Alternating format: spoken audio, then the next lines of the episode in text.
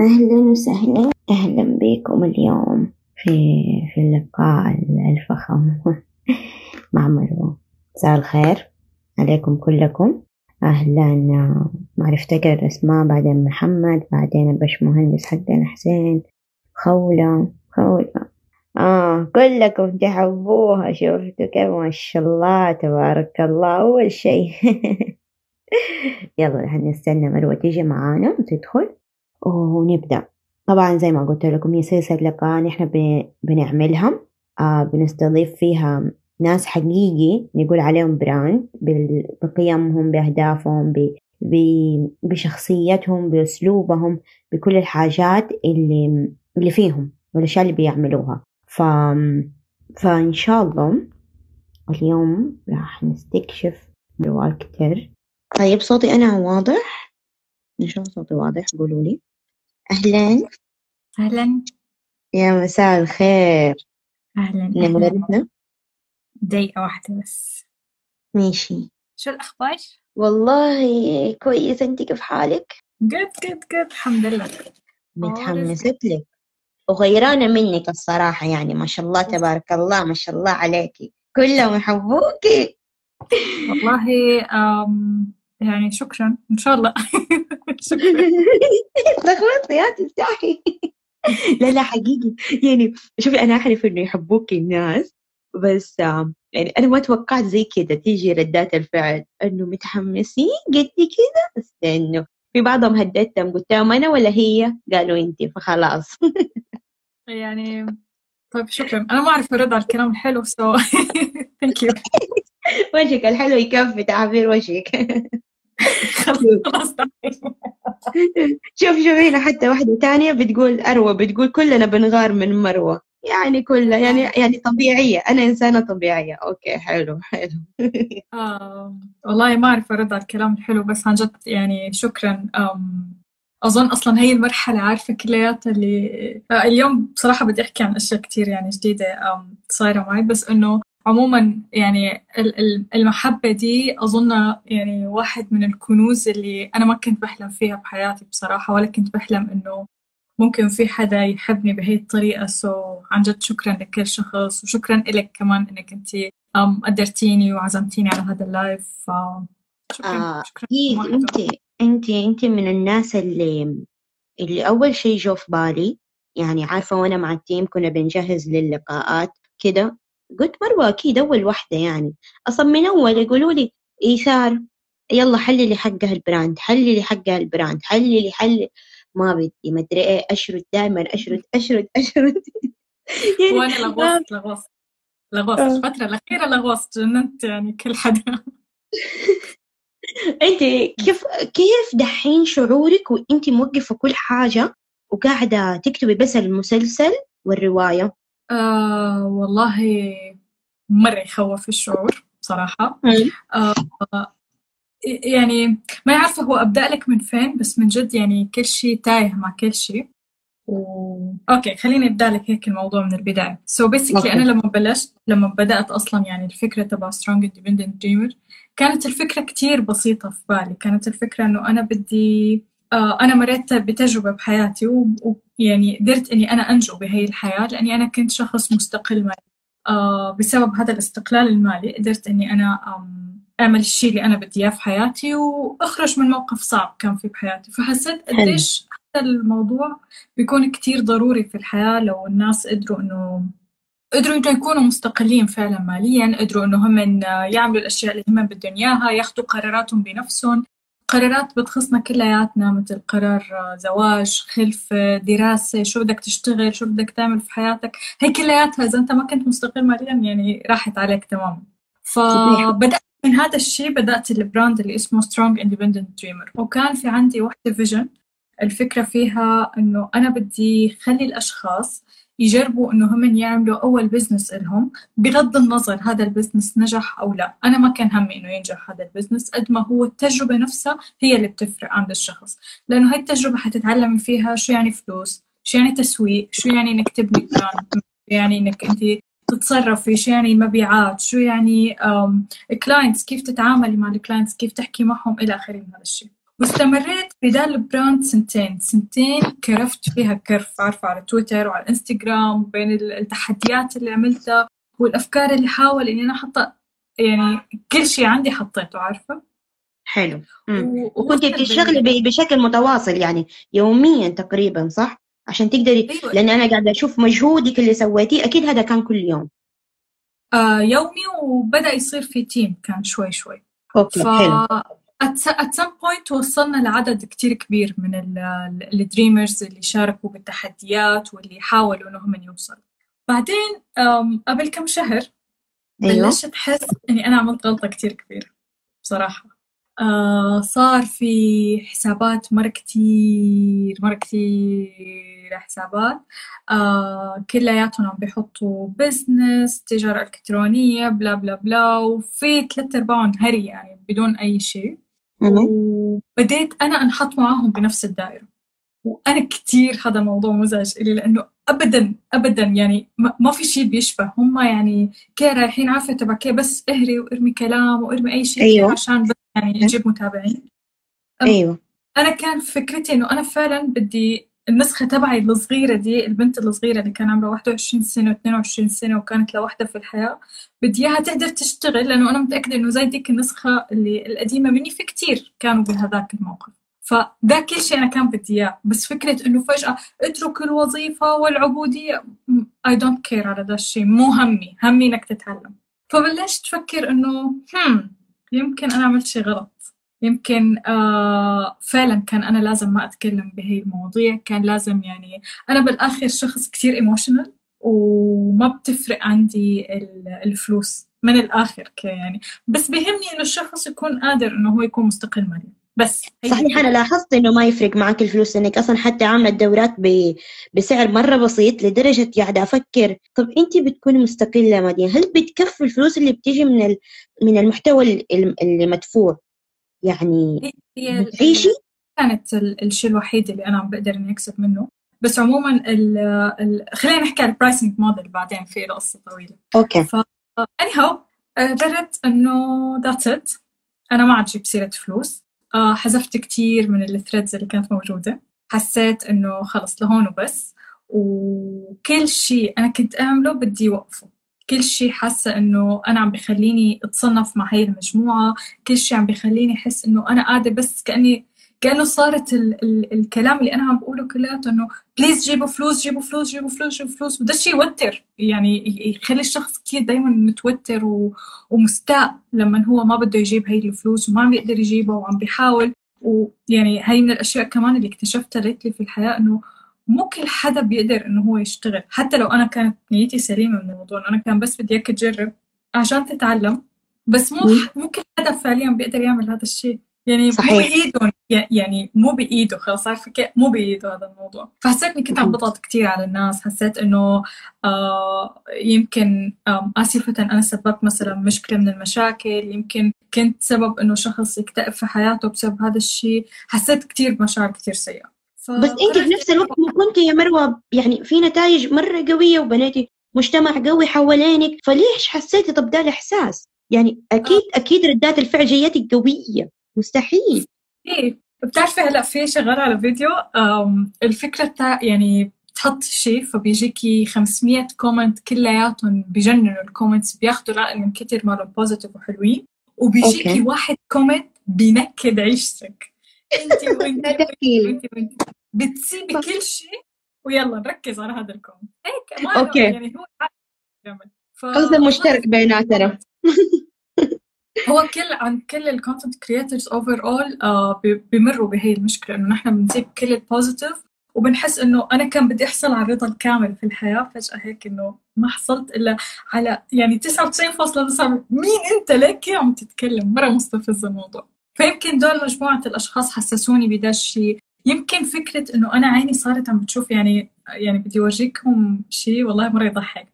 شغالة كنت على كتاب اسمه بنك الإعلانات و... والكتاب حرفيا آه باقي له يومين شغل وبيخلص. ما عاد اشتغلت عليه وقفت خلاص ما أبغى. لأنه بتدخلي على تويتر مثلا كل حدا عم بيتكلم على ال marketing وعلى الإعلانات وعلى المدري إيه وكيف حسيت إنه what I'm adding إيش الإضافة الجديدة اللي أنا حقدمها صح؟ كده ده اللي حسيتي فيه. أنا شايفه أنا شايفة إنه المنتج تبعي مختلف تماما وعملت research يعني أنا عشان أطلع بواحد كتاب بقرأ يمكن ما يزيد عن 100 كتاب عشان بس أعمل الملخص تبعهم وأضمن إنه ال content تبعي سليم وتمام كله ماشي تمام. بس جميل. حسيت إنه ماني عارفة ماني حاسة عارفة؟ ماني حاسة إنه I'm doing الشيء الصح اللي أنا بدي إياه. ف anyhow اخذت break وقفت كل شيء. وحسيت إنه شو بدي أعمل. هلأ أول شيء خطر على بالي كان إنه أنا بدي أكتب رواية. بس عارفة لما إنه okay طيب بدك تكتبي على رواية جربي تروحي على مكتبة. أقل مكتبة رح تلاقي فيها ألف رواية مختلفة. على الأقل جربي تروحي جرير مثلا. ألف رواية على الأقل. طيب إيش الفكرة؟ إيش ال point يعني؟ إيش الشيء المختلف؟ وجلست أفكر شو الشيء المشترك اللي بين كل ال comments اللي الناس بيشوفوها. آه، سألت أشخاص أنا بوثق فيهم ليش أنتوا أصلا تابعتوا الحساب ليش عملتوا ليش سويتوا كيف؟ ولقيت في كلمتين مشتركة. creativity و joyful صحيح. آه. هذا الشيء اللي أنا حطيته أصلا من الكلمات المفتاحية لما صنفت ال brand حقك وحللته. yes وهي اللي كل الناس قالوا عليها. طيب that's so cool. فقررت إنه هاي الرواية حتكون أو مجموعة هيك كتب إن شاء الله عم بخطط إني أعملها. آه كلها حتكون عن ال joy عن ال creativity عن هذا ال part من الحياة. تكون more creative كيف تعيش حياة مور جويفul آه كيف تدور على الأشياء اللي, بتخليك أنت آه تستمتع فعلا بحياتك. تخليك تحس إنه الحياة شيء جيد. والآن أنا حاسة إني جدا سعيدة إني أنا بعمل الشيء بس يعني يمكن اللي بيتابع الحساب على تويتر رح يشوف كمية التخبط الفظيعة لأني كل يومين ثلاثة عم حط شيء ولساتني أنا هلأ بيني وبين نفسي كعارفة جوا المخ قاعدة عم فكر إنه يا ترى كمل الكتاب تاع الإعلانات والله حرام هلكت فيك اشتغلت يمكن فوق شهرين فيه فحاسة إنه حرام طب اشتغلتي فيه؟ إيه، جربي تحطيه. لا بس هيك حتبدي تخربي ال brand الجديد اللي انت عم تعمليه. طيب رسمتي على الجدار وشاركتي رسمي. خلاص بلشتي انك انت عم تحطي الأشياء ال creative الأشياء ال joyful الأشياء الفظيعة هي ال shiny stuff يعني في الحياة. لا ترجع يعني تشرشحي الشيء اللي انت عم تبنيه وتحطي فيها الأشياء تاع الإعلانات وهيك. ف يا هذا الحصل اللي أنا شغالة فيه هلأ. بس انت ماشية في الطريق الصح يعني عارفة حتى لو كانوا كل الناس بيعملوا ده الشيء. انت ليكي جمهورك ليكي الناس اللي اللي يفهموا طريقتك الخاصة. ومثلا هم صح بيشوفوا مليون حساب بيتكلم عن الإعلانات والتسويق ودي الأشياء بس هم ما بيوصل لهم وما بيفهموا وما بيستوعبوا زي ما انت بتقدمين فيعني ليه خطوة. هو mix كان mixed feelings ما بين إنه أنا ما بدي أكون مع هدول الناس وما بين إني أنا ما عدت مبسوطة إني أنا أقول للناس إنه اشتغلوا واعملوا فلوس سعيدة، وأنا لو بتفكري كلمة فلوس سعيدة أصلا أنا ليش قلتها؟ كانت الفكرة فيها إنه أنا بدي خلي الشخص يعمل فلوس من شيء هو مبسوط منه، ما همي passion ولا مو passion بس إنك أنت تكون يعني عايش حياة أنت أنت مبسوط فيها، أنت سعيد فيها. لأنه يمكن value السعادة عندي value المتعة value إنك أنت عايش حياتك مثل ما أنت عم بتحب كتير عالية عندي بس قلت لك يعني ما عاد حسيت إنه فعلا كده. هل ما عاد أعمل دورات وتحديات والأشياء هاي؟ لا أنا رح أعمل. وفي أشياء كتير ببالي. أول ما فكرت بال creativity وال joy oh okay عارفه أوف في حفلة طلعت أيوه. لأنه هذه الحتة حقتك اللي خلاص انت لقيتي نفسك فيها. فيعني آه. دحين إحنا نتفق. نتفق إنه المكان حقك اللي انت من أول قاعدة توصلي له اللي هو ال creativity وال يعني الألوان الملونة الكثيرة. خلاص دي النقطتين الأساسية اللي حتبني عليها ال brand كله لقدام. yes yes ال creativity وال joy في كتاب اسمه Joyful إذا ممكن ندورك كمان على على TEDx على اليوتيوب. في كاتبة الكتاب عاملة TED Talk ممكن شاركك إياه بعدين. آه واحدة من العناصر اللي بتجيب joy للحياة هو الألوان. آه كانت حاطة دراسة على حي من الأحياء. كان جدا جدا جدا هذا الحي آه مرتفع في نسبة الجريمة. okay حلو. كان في واحد architect قرر إنه طيب أنا حجرب واحدة تجربة وحأدهن كل المباني بألوان bright ألوان فرحة ألوان حلوة هيك صح يعني سعيدة في الحياة. هذه المدينة صح اللي كان فيها نسبة الجرائم مرتفعة؟ yes okay حلو. وبعد كده يمكن بعدها بأربع خمسة شهور نسبة الجرائم نزلت بطريقة درامية من كتر ما أنه عن جد الألوان أثرت على هذا الشيء وخلت الموضوع عن جد النفسية تبع الأشخاص صارت أكثر منفتحة صارت أكثر عندها قدرة تتسامح مع بعضها عندها قدرة إن هي تكون سعيدة شوي أكثر عندها قدرة إنها تتفاعل مع الأشخاص بطريقة ألطف بطريقة أبسط. فالألوان دائما لها تأثير على ال joy بطريقة فظيعة جدا. فيكون ال joy ال creativity يعني الألوان حتصير تحت ال joy. هو ال joy وال creativity أكثر شيء بركز عليهم. okay. يعني عندنا ثلاثة مصطلحات تمثل براند أوكي حلوين حلوين. ماشي تمام. طيب. أم فلما أنت خلاص أنت دحين نحن نقول إنك أنت لما وقفتي ده كل المشكلة اللي أنت كنت فيها وحسيتي إنه في كثير في محتوى كثير في ناس في لا مو أنا هنا مكاني وحسيتي بداتي إنه لا مو دي هي الخطوة اللي أنا بدي آخذها فوقفتي بس مو وقفتي توقف كامل هذه النقطة اللي نحن لازم نفهمها نوقف نروح للحتة اللي نحن نباها بس في نفس الوقت نحن نكمل شغلنا. في الشيء اللي نحن بنعمله لأنه هو صح وفي نفس الوقت حيودينا للطريق اللي اللي نحن نباه. حلوين كده. صحيح تمام. هي طيب. دائما في إثار آه في حرية ما بين إنك أنت توقفي تماما عشان تحصلي على السلام العقلي والهدوء العقلي اللي أنت بتحتاجيه عشان تعرفي شو بدك تنتقلي لل next step وبين إنه أنت لازم تتحركي عشان تقدري تروحي للخطوة اللي بعدها. آه ما حدا بيقدر يقول لك أنت بتميلي لفين. طبعا حيقولوا لك كلمة اتزان بالنسبة لي كلمة اتزان تعني ولا شيء لأنه اتزان عندي غير عندك غير عند فلان عند غير فلان. بس انت الوحيدة اللي بتعرفي ال limit تبعك. بتعرفي إمتى انه أنا هلأ لازم أتحرك أنا هلأ لازم أوقف.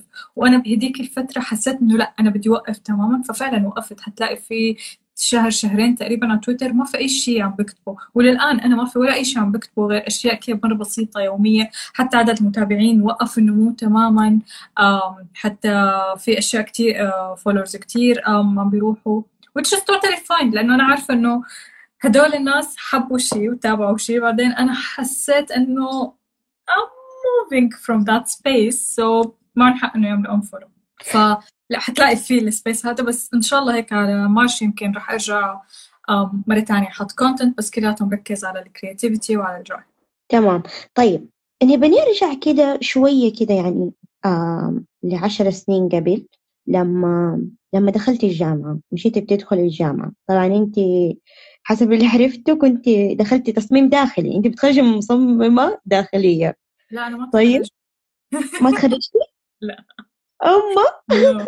يا أنا دخلت جامعة. يلا حكيني 18 آه 2018 آه sorry 2008 آه لك 18 what لا ماني صغيرة ضلحت so دخلت الجامعة 2008 بعدين آه صار كذا أشياء في حياتي خرجت من الجامعة بعدين رجعت كملت في 2013 درست سنتين تصميم داخلي. آه ما بين 2008 و 2013 درست 3D animation طيب. كرتون بال 3D الثلاثية الأبعاد آه ودرست كمان سنة interior design بعدين رجعت هنا درست سنتين. وبعدين حس... فتحت شركة تصميم داخلي وحسيت إنه الجامعة ما بتساعدني فعلا. فخرجت من الجامعة يعني ما كملتي؟ ليش م... يعني حقيقي من جد طب ما انت ندمانة على دي الحتة؟ أبدا ولا شوي طب لما انت اخترتي انك تدرس تصميم داخلي انت كنت حابة الموضوع؟ آه ما فيني جاوبك هيك جواب كتير صح إنه أنا كنت حابة الموضوع ولا لا أنا بتبهرني الألوان من أنا صغيرة. بحب كتير إني أشتغل. بشتغل ك graphic designer من عمري 13 سنة. ف كانت نتيجة حتمية إني أنا أدرس شيء له علاقة بال visuals بصري سجلت بالجامعة أول مرة graphic design وبدأت أول يمكن أسبوع من الدراسة graphic design بس حسيت إنه for God's sake أنا أعرف كل شيء أنتم بتتكلموا عنه. أنا أصلا ليش موجودة معاكم؟ فحولت interior design ولما حولت interior design ما حسيت بديك النقلة النوعية لا حسيتهم يعني وخصوصا بتعرفي انت لما تفتحي شركة بنفس المجال اللي انت عم تدرسيه وتبدأي تشتغلي بعدين ترجعي تقارني معلومات بعدين ترجعي يعني كان كان يومي ما بين إني أنا أروح الصبح على الجامعة بعدين أخرج روح على الشركة عشان أقدر أشتغل. فحسيت إنه في مشكلة بالجامعة. ما أدتني الشيء اللي أنا بدي إياه. هذا من ناحية من الناحية الثانية أنا كتير بحب أتعلم لوحدي. كتير. أوكي. طيب. عندي قدرة كتير كبيرة هيك آخذ الأشياء المعلومات لحالي. يعني الآن مثلا عم بكتب رواية. أنا ما بحياتي كتبت رواية. يمكن كان في عندي بس محاولة وأنا صغيرة وبحب التعبير والقراءة. فكيف تعلمت أكتب رواية؟ أعمل ماراثون تعلم لنفسي. خلاص أنا بدي أكتب رواية. okay أول شيء رح أحتاج أقرأ كتير. أحتاج أعرف أنا إيش style الكتابة تبعي. أحتاج أعرف مين دول الناس اللي أنا بحب أقرأ لهم. إيش الروايات اللي أنا بحبها. طيب بعدين شو يعني رواية؟ شو يعني شخصيات؟ كيف أكتب العقدة؟ كيف أكتب ال story؟ واليوتيوب مو مقصر علينا بشيء وفوق اليوتيوب بتلاقي platforms مثل Skillshare بتلاقي Domestika آه عندهم كورسات فظيعة. إذا بتدوري أصلا okay. يعني أنت بتبني آه، خطة الدراسة حقتك بنفسك وبتبدأي تمشي عليها. بس بتحطي خطة. أهم شيء إنك بتحطي خطة آه واضحة. ما بتحطي كمانة. يعني شوفي آه يعني هي هي فترة شو بساوي؟ مثلا أنا هلأ عم بتعلم كتابة السيناريو وكتابة الرواية طيب شو الفكرة اللي بعملها؟ الفكرة إنه أنا حاطة لنفسي كل يوم أنا بدي آخذ واحد course مشان ما بدي أكبر الموضوع كتير عرفتي؟ so so مثلا هذا الأسبوع عندي ثيم إني أنا قاعدة عم بتعلم عن الشخصيات. فحدور على كل شيء في الانترنت عن الشخصيات. blog post كورسات بلاش كورسات مدفوعة influencers عم بيتكلموا عن هذا المجال مين أصلا فنان فيها طب هذا الكاتب كيف عمل؟ مثلا uh, واحد من الأشياء اللي كتير مشهورة أغاثا كريستي بالكتابة I love أغاثا كريستي. أنا بقدر سمع لك روايات أغاثا كريستي. أقل شيء إني يعني قاري أقل رواية لأغاثا كريستي قريتها يمكن خمسة مرات. فأغاثا كريستي مثلا فنانة بوصف الشخصيات. فأنا بفتح روايات أغاثا كريستي بشوف إنه هي مثلا المحقق هيركول بوارو ده أشهر محقق بروايات تبعها. okay هي كيف توصفه؟ بتوصفه إنه هو قصير إنه هو أصلع آه راسه مثل البيضة بيمشي بهي الطريقة عنده عكاز عنده هالتفاصيل. فأنا بحط إنه أوه okay هي وصفت شكله وصفت طريقة مشيته وصفت طريقة كلامه هو بيتكلم بطيء. طيب okay. فأنا أخذت هاي الأشياء وكتبتها طرف. الآن أنا عم بكتب انت بتلاحظي بتلاحظي وبتحللي هذه تعرفي أهم نقطتين طول الوقت هذا كلها اللقاءات اللي نحن بنعملها أنا أبغاكم تسمعوا وتشوفوا وتلاحظوا وتحللوا. سامعين؟ شايفين مروة؟ اللي أنتوا حابينها إيه بتعمل نفس الحاجة. فاي أي. okay حلوين. طيب حلو. وبعدين؟ وبس بعدين بتعلم هي الأشياء. طبعا في شغلة كتير مهمة أنا بحياتي أظن عاملة فرق. الشيء اللي أنا بدي إياه اللي أنا عم بتعلمه بنفذه فورا. يعني مو فجأة كده out of nothing أنا قررت إنه أنا بدي أكتب رواية فختمت كل شيء عن رواية وبعدين جلست ما عملت ولا شيء. لا أنا عم بتعلم بنفس اليوم أنا قاعدة عم بكتب. عم بشتغل. بتعلم مثلا آه، في على اليوتيوب هي شركة عندها شيء اسمه StudioBinder اللي هم عندهم application كيف بيساعدك تكتبي السيناريو وترتبي الأفكار تبعك وكذا عندهم content على اليوتيوب فظيع فظيع فظيع. هذا ال content كلياته بيتكلم عن الكتابة السينمائية عن الإخراج التصوير blah blah blah. ختمت القناة عارفة؟ خلاص. شوفي نفسي شوفي نفسي شوفي نفسي. وهذا الشيء بيساعدك لأنه لما تتعلمي معلومات وما تطبقي منها الشيء طارت خلصنا صحيح. طب جميل. طب أنت دحين وأنت بتعملي دي الرحلة طب ليه ما تشاركينا هي؟ يعني كده شفتي موقع أعملي لنا share كتاب أعملي share حطيت والله حطيت. كثير كثير هبدأ كله كله ادينا هو نحن نبغاه معاكي أنا حاسة هلأ كثير من الجوال ومن الآيباد وخليته بس على ال desktop بصراحة مشان اركز فما عم بقدر شارك على طول. بس آه ولسه مالي متأكدة عارفة من الشيء اللي أنا بدي إياه. فلساتني شوي خجولة إني أنا شارك بهي التفاصيل. بس آه، زي ما قلت لك إن شاء الله على March ناوية إنه أرجع وأحط كتير content عن ال creativity والتمارين اللي بتساعد بالكتابة. اكتشفت أصلا عالم سحري تمام فأنا طايرة من السعادة فيه. جميل. آه لقيت أصلا لاحظت إنه كتبك مرة حلوة اللي بتختاريها. طب أنت لما تيجي تختاريها؟ تختاريها على الألوان؟ أحس الألوان بتجذبك قبل العنوان قبل المحتوى صحيح؟ والله اليوم تصدق كنت عم بحكي أنا وحسان زوجي. عدت ترتيب شوي المكتبة تبعي. ف اجى اجى comment إنه أنت عن جد يعني ما بتختاري الكتب إلا بناء على ال cover الملون تبعها عشان it fits بالمكتبة تبعي اي I have a thing عليها. في كتب بتحسي كأنه اختراع نووي علمي ال cover تبعها أو الكتب اللي, بي... اللي الكاتب بيحط صورته على الغلاف. فأنا أحس أصلا ده الكاتب اللي اختار ده النوع من الغلاف ما يمشي معي ما أحس إني أنا حانبسط ما هو شخصيتك صح. يعني مهما كتب يبان يبان من الغلاف وال... والحتة الأولى النظرة الأولى هي تحدد إحنا حنحب بعض ولا لا. هو كذا. صح. في كتب كتير أقرأها غلافها مو حلو عادي. يعني it makes sense عادي. في في روايات بالذات يعني أغلب روايات disaster مأساوية جدا لل graphic designers ف you have to read it بس. بس بس إنه حلو. إنه صار عندك مكتبة كبيرة تستلهم من منها للتصاميم للأغلفة. لما تيجي إنه الأغلفة دي بتلهم أكيد. أنا أكيد. شفت بنت زي كده. واحدة تشتري كتب. هي يمكن ما تقرأ دي الكتب كلها بس تقرأ عشان تشتريها عشان الأغلفة عشان هي تستلم. هي مصممة. فيعني نستفيد برضو. يعني حتى لو ما فاد الكتاب في النهاية في نحن بنستفيد شيء. فأي شيء بنشتريه نحن لازم نتعلم إنه نلاقي منه فايدة. لو نقطة لو نقطة في فايدة انتهينا. فلوسنا ما راحت في الفاضي. هذه نقطة مهمة مرة أكيد أكيد. هو أهم شيء الواحد يعني ينزل شوي من الإيجو تبعه ويحس إنه أنا ممكن أتعلم أشياء جديدة من هذا الشخص. هذا الشخص أكيد في عنده شيء جديد ممكن حيفيدني فيه. مرات يعني جملة بسيطة بس كتبها بطريقة مختلفة الواحد بتشغل هيك لمبة بعقلك وبت... يعني بتفتح لك أفق جديدة تفكري فيه صحيح. لازم الواحد يكون أصلا متقبل من جوته إنه هو يسمع أشياء جديدة إنه هو يلاحظ أشياء جديدة عشان يقدر يوصل للحتة اللي أنت وصلتي لها. فحلوين نحن كده ماشيين.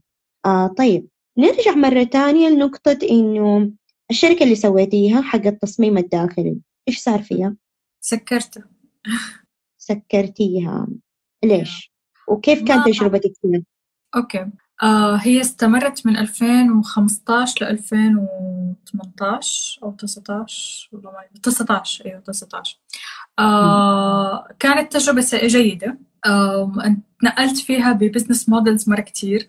غيرت فيها مرة كتير لين ما قدرت إني أوصل شوي ل fit عشان أقدر إني أنا أكسب شوي من هذا الشيء.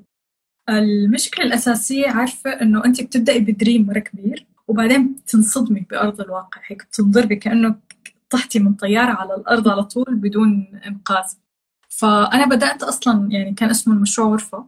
أنا بدأت غرفة كانت الفكرة إنه بدي أعمل economical interior design عشان الأشخاص اللي ما عندهم قدرة مالية إنه هم يعملوا ال interior design ده آه يكون في عندهم مكان يقدروا إنه يستخدموه. لأنه بالآخر الناس اللي ما عندها فلوس هي أكثر ناس آه بتحتاج إنه هي تفرش بيتها بطريقة جيدة عشان تقدر إنه هي تعيش فيه وتكون functional أكثر في حياتها. صح okay. فهذا هذا الشيء اللي بدأنا فيه. كيف انتهى الموضوع فينا؟ انتهى الموضوع فينا إنه إحنا عم نعمل آه مشاريع مع شركات عشان تقدر الشركة تعيش. which is أبدا ما يشبه الشيء اللي أنا بدأت فيه. فحسيت إنه عندي two options يا أما إني أنا حكمل بهذا الطريق اللي هو أنا بشتغل مع الشركات وممكن كان الشغل يكبر يعني ويصير يعني شيء جيد أو إني أرجع مرة ثانية وعافر مرة ثانية وأنا كمان بدأت بوقت كان يعني جدا غلط إني أنا أبدأ في interior design لأنه الناس كانت لسه تدوبك يعني على ال social media بداوا يتصرفوا على تويتر وعلى إنستغرام وما أدري إيه. ولسه فكرة إنك أنت تطلبي خدمة اونلاين ما كانت يعني مقبولة نوعا ما ما كان في طرق دفع أونلاين كانت complicated القصة يعني. بس كان ماشي شغلك. يعني ماشي. كان ماشي بس أنا ما عاد بدي. انت عندك هذه عندك دي الحته إذا ما هي إذا ما هي ما ما هي كذا قلبك أسيبها. خلاص. إيش الفائده؟ يعني شوفي شوفي. هي الحياة كلياتها نحن حنعيش عشان نعمل ننبسط عشان ننبسط. بالآخر إذا أنا عم بعمل شيء وما عم بنبسط فيه طب إيش الفكرة؟ ليه أنا عم بشتغل على هذا الشيء؟ ليه عم بعمل هي الأشياء؟ ما صح الفلوس جاية جاية. بالضبط. بس أهم شيء أنا أكون مبسوطة. أهم شيء سعادتي وبس ما حد يسيطر على سعادتي يعني خلينا نقول هنا مرة نقطة مهمة. مو مهم قد حجم الفلوس. حجم الشغل حجم المكان اللي أنت فيه. إذا أنت كنت مو مرتاح فيه يعني إيش الفايدة من ده كله؟ بفلوس قليلة تقدر تنبسط ب... ب... لو أديناك ريال ممكن تعمل بأشياء لو أديناك خمسة وعشرين ريال ممكن تعمل بخمسة وعشرين شيء. فيعني هو الفكرة إنك أنت كيف تعرف تستثمر الشيء اللي عندك عشان يوصلك لدي المرحلة من السعادة عشان نقدر نقول في ناس عايشين في ناس قاعدين مبسوطين بدون ما نكون نحن آلات بدون ما نكون نحن ناس بس بس كده ماشيين في الحياة زي كأننا زومبي. شفتوا المسلسل ده الجديد حق نتفليكس؟ كلنا موتى حنصير زيهم بالضبط يعني في النهاية. طيب. جد. آه شوفوا جايز تقدروا تحطوا الأسئلة إذا عندكم أسئلة في في خانة الأسئلة يصير آه، في نهاية اللقاء نشوف الأسئلة. تمام. طيب آه طيب إيش كمان؟ إيش كمان؟ إيش كمان؟ هاتي هاتي هاتي أقرأي لي الأسئلة كلها في أسئلة يعني سوي يعني إنه ما في أسئلة. هاتي هاتي هاتي. أسمع قاعدة كمان من الأشياء كلهم اللي اللي يحبوكي هددتهم قلت لهم أسمع بسرعة دحين تدوني الأسئلة. مو بعدين تزعلوا ما سألتيها دا ما مدري إيش. من دحين تقولوا إيش تبوا أسئلة؟ عشان خلاص نجهز ونشوف هي إيش عندها وإيش ما عندها. إحنا اليوم جايين نحللها ولا على بالك ولا تزعل. نعمل لايف تاني ولا على بالك.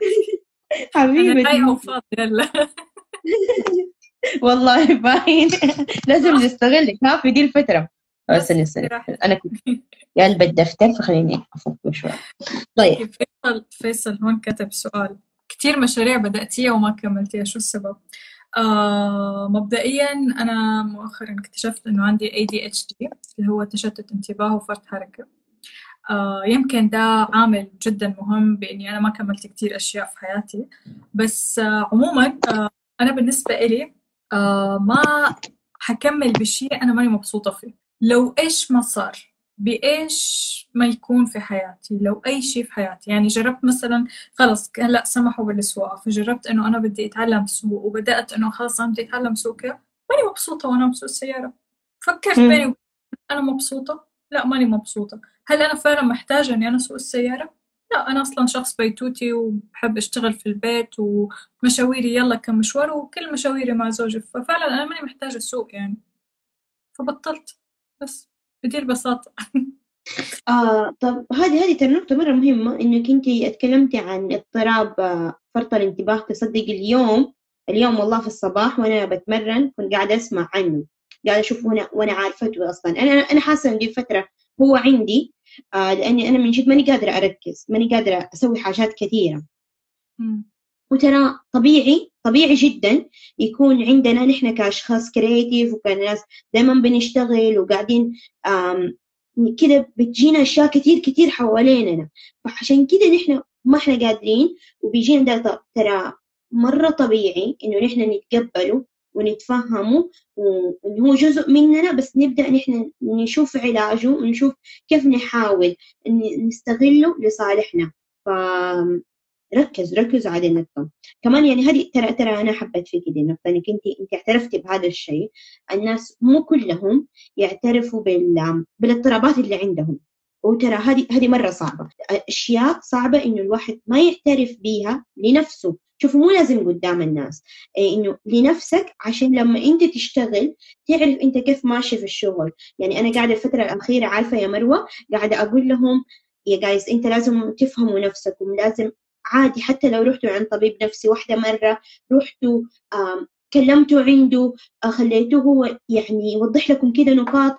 حقيقي لما تفهموا نفسكم في دي الحتة والله كل شيء بعدها يصير سهل. يصير حتى لما أنتوا تسووا شيء وتشوفوا فيه ردة فعل غريبة صارت لكم أو إنكم أنتوا كنتوا وأنتم مرتاحين حتبدأوا تقولوا إيوه عشان ده الشيء عشان كده تقوموا تتقبلوا الموضوع تقوموا تغيروا من نفسكم تقوموا تنتقلوا لحتة أفضل وتبدأ الحياة تتحسن فأنت إيش إيش بتعملي مع مع ده الشيء اللي أنت بتمري به؟ أوكي هو شوفي آه، تشخيص المشكلة ثلاث أرباع العلاج يعني أنا من الأول كنت ملاحظة على نفسي في مشكلة عندي من هذا الموضوع.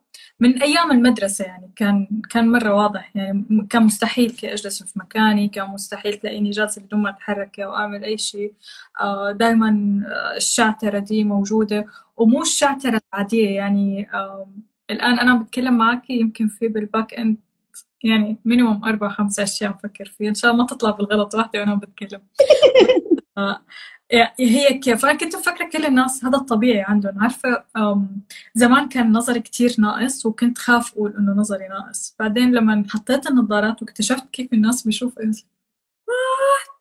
أنتوا كذا تشوفوا؟ كيف حسيت نفس الشيء بالضبط ال ADHD لما بدأت أعمل شوية تمارين آه، حسيت كده إنه أوف أنتوا مو كلكم كده بتفكروا؟ معقول؟ بس أنا اللي عم فكر بهي الطريقة مستحيل. ففي في كتير تمارين على الإنستغرام بتلاقيها في كتير تمارين على بنترست بالإنترنت overall بتساعدك إنك أنت ترتبي شوي أفكارك. في مرات يعني حاولت أتحكم بنوعيات الأكل بتساعد شوي إنك أنت يعني تقللي الكارب والسكر عشان الشوجر الرش اللي بتصير لك إلى آخره من التفاصيل يعني. بس يعني المهم إنك أنت تعرفي شو المشكلة عشان تقدري تبدأي تحليها أيوه صح. طيب حلو حلو. هذه نقطة مرة مهمة. آه في واحد منكم بيعترف بيقول أنا عنده يعني دي المشكلة ترى عادي يعني. ترى هو ما حد يحكم عليك. هنا هنا ما حد يحكم عليك. هنا هو... نطلع ب... ب... أنت كيف؟ ونحن نكون معاك ونحن نتقبلك. عشان نحن حقيقة نقدر نتقبلك. هو شوفي ال... يعني في شغلات كتير آه بدي لك عليها إيثار. آه الواحد بمر فيها يعني بحس يعني ما بيقدر إنه هو يشاركها فعلا. ومرات بكون أحسن إنه هو ما يشاركها مع مع الناس يعني. أنا بالنسبة لي مثلا في كتير مشاكل بتمر بحياة البني آدم أحس ما بشارك فيها أحد. ليش؟ لأنه ماني حاسة إنه هو حيستفيد وهذا غير إني أنا حرسخ براسي فكرة إنه أنا عندي مشكلة أنا عندي مشكلة أنا عندي مشكلة أنا عندي مشكلة أنا عندي مشكلة فطبيعي جدا إنه الواحد ما ما ما يشارك هذا الشيء بس الأهم دائما أنا بالنسبة لي من إنه يشارك إنه هو يعرف بينه وبين نفسه إنه في مشكلة.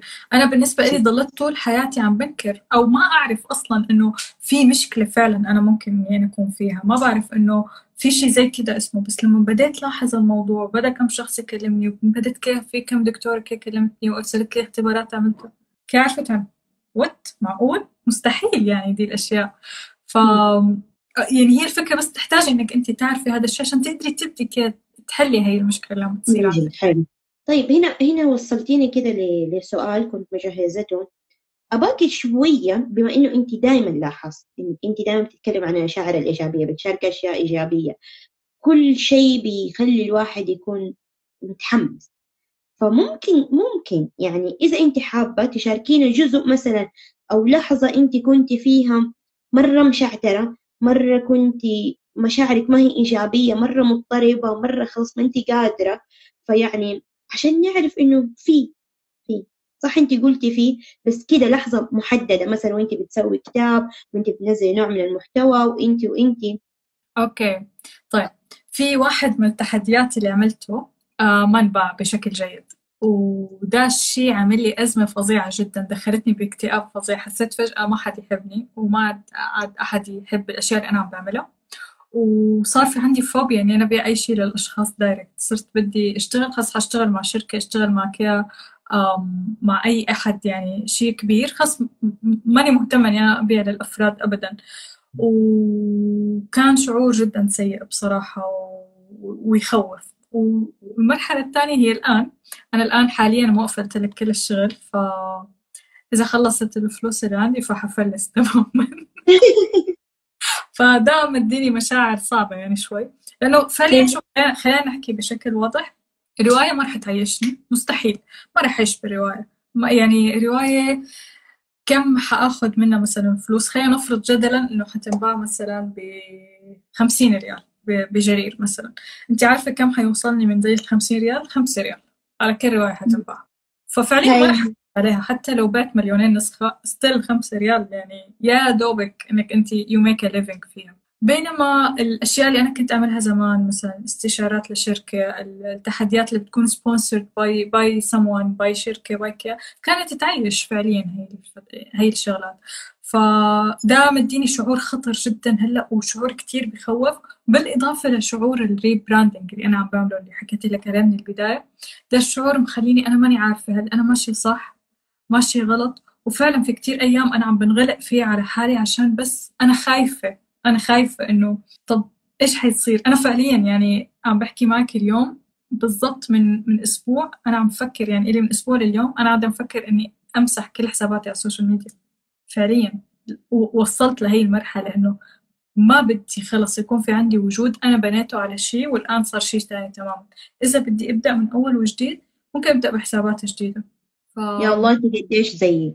يا الله انت قديش زيي. يعني أنا دحين مليون شيء قلتي زي زي زي زي زي كأننا واحد حقيقي. مرة. هذا الشعور حتى أنا بمر يعني أنا ما توقعت أنا ما توقعت راح أكون متشابهين قدي كذا بس يعني حتى أنا والله قاعدة أمر يعني بدا الشعور إلين إلين قبل شوي مرة كنت تعبانة خلاص يعني كذا لي موقف أنا ماني قادرة. أنا جالسة أقول في نفسي أنا ماني قادرة أسوي أي شيء. أنا ماني قادرة أنا كيف حطلع أدلك؟ كيف حتكلم؟ كيف حسوي؟ ماني قادرة حقيقي. نزلت كتبت كذا محتوى ونزلت التحدي اللي دوب عملته وما أعرف إيه. بس من جواتي أقول نوقف ده كله؟ أشرد؟ أشرد إيش؟ يعني فطبيعي.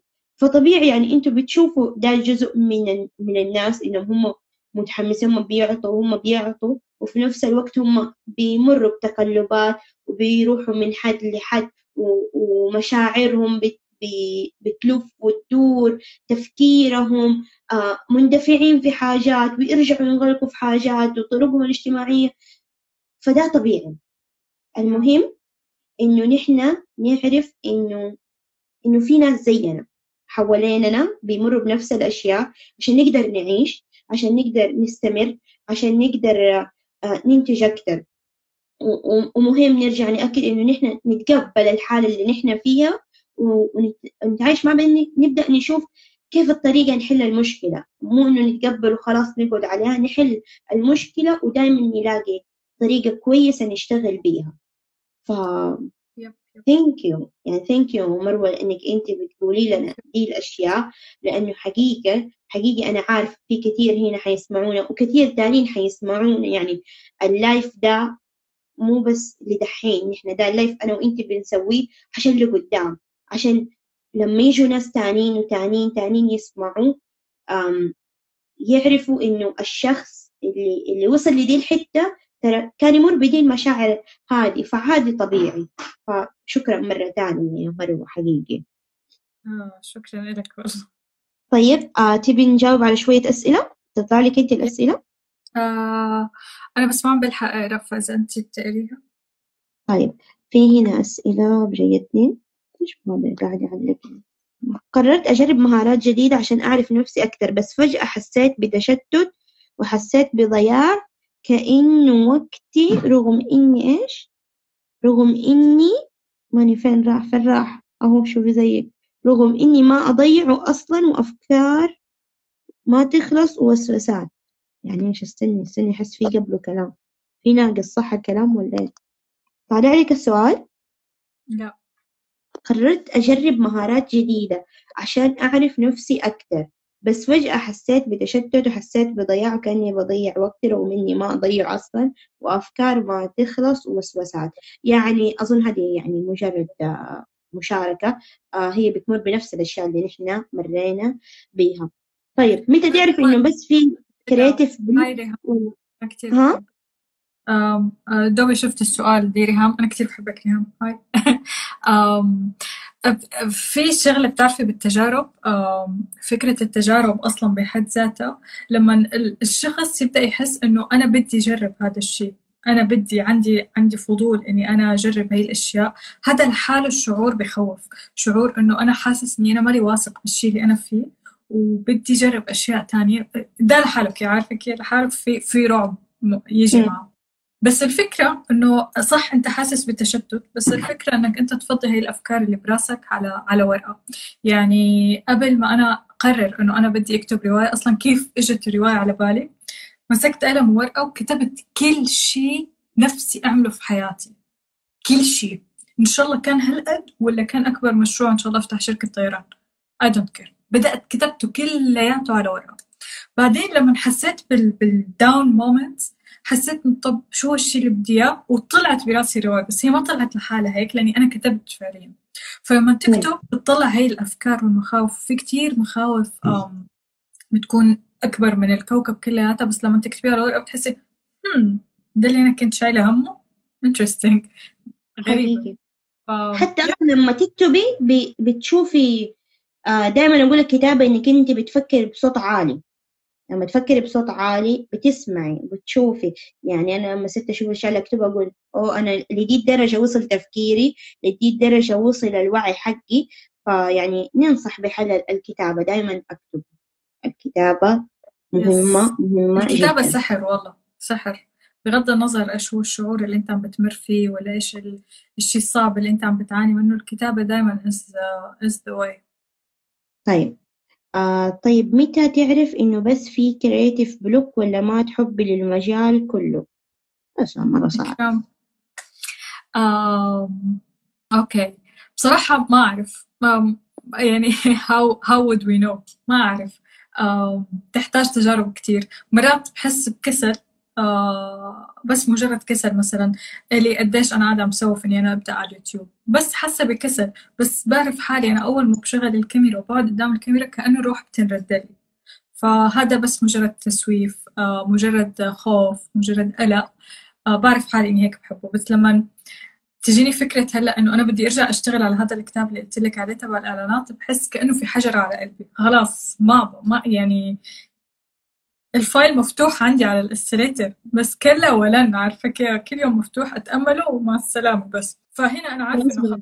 آه، بيعي لحد ثاني. بيعي المحتوى لحد ثاني وخلاص. شخص واحد قصة بس وخلاص حطه يعني whatever عارفة. بس يعني هي الفكرة خلاص كي يعني خلاص خرج من قلبي. هنا هذا اللي من فريقك شو اسمه؟ ماني عارفة شو اسمه. كيف عرفتي إنه أصلا في شيء اسمه شاي بالزعتر شاي بالزعتر إيه يا مان؟ إيه ده؟ آه كنت مرة في في الأردن في مكان اسمه عجلون. آه في أكواخ كده منفردة كده في مكان. ف عندهم كان شاي بزعتر فجربته لأول مرة و I fell in love. فظيع فظيع. ماني لاقية هنا الشاي بزعتر إذا تعرفوا من فين. فيا لذيذ من جد؟ مرة. تكذبوا علي والله مرة لذيذ. أنا ما بحب القهوة عموما أنا كتير بحب الشاي. بحب جرب أنواع أوكي. الشاي. آه كمان نقطة مشتركة تانية بيننا. حلو حلو يلا. سجلي عندك عشان نجمع كم نقاط. مرة كثير هذا. كل ال... كل ال... كل الأشياء بيننا مشتركة. طيب آه في في في أسئلة مرة صعبة أحسها ما أقدر أنا الحمد لله ما هي لي ليك الأسئلة. طيب يلا يلا جاوبيني راحت التعليقات هاتي هاتي. أهو أعطينا نصيحة قوية. إيش نصيحة؟ قوية؟ إيش be you أسوي؟ be you؟ be والله stop acting بتعرفي ثلاث أرباع المشاكل اللي مريت فيها بحياتي إني أنا كنت عم بعمل أشياء عشان نال رضا اللي حوالي عشان مثلا مثلا آه بدي أشوف حافظ سماعة عشان مثلا خايفة إني أنا أكتب رواية لأنه أنا بعرف إنه حسان اللي أنا بحبه كتير ما بحب الروايات ما بحب يقراها. فأنا لما حأكتب رواية هو ما رح يحس بكمية فخر كتير كبيرة فيني. هذا إحساس جواتي ترى هو ما له علاقة فيه بالعكس حسان كتير فخور أنا عم بكتب رواية وعم بيدعمني بكل شيء بيقدر عليه. بس جواتي أنا كي عارفة كي جوا جوا جوا حاسة إنه لا أنا بدي أعمل الشيء اللي بدي يخلي حسان كيف فخور فيني الأشياء اللي هو عن جد هيك بيحبها آه، آه، أخلي الشركة تكبر أخلي مدري أحس إنه أبغى يشوف نفسه فيني عارفة؟ بس أي ended up لا عم بعمل الشيء اللي هو بده إياه لأنه أنا eventually ما بقدر أنا أعمل هيك. ولا عم بعمل الشيء اللي أنا بدي إياه لأنه أنا مستحية وخايفة. ف سلامات بصير الواحد فتعرف لا لا انت هنا ولا انت هنا ف be you no no matter إيش be you. حقيقي. طيب هنا هنا جينا لسؤال مرة مهم. متى؟ أنا أنا كأني شفت إنه أنت في انستغرام بدأت تنشر أشياء كده ملونة وكده. يعني مم. كان 2018 تقريبا. طيب. مم. بس أنت متى حقيقي بدأتي كده تقولي إنه إنه هذه أنا؟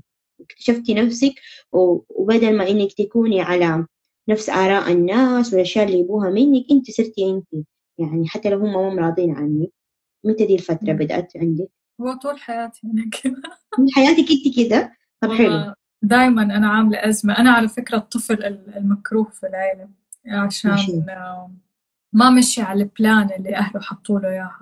آه، أنا ما كملت دراستي عملت أشياء أهلي تماما مو راضيين عنها. آه، بينما مثلا إخواتي اللي بعدي على طول لا آه، مشوا زي ال- ال- الصراط المستقيم يعني. اللي اللي يجي يجي مرح نكمل وفرح ومين؟ أخواتك مرح وفرح صح؟ صحيح.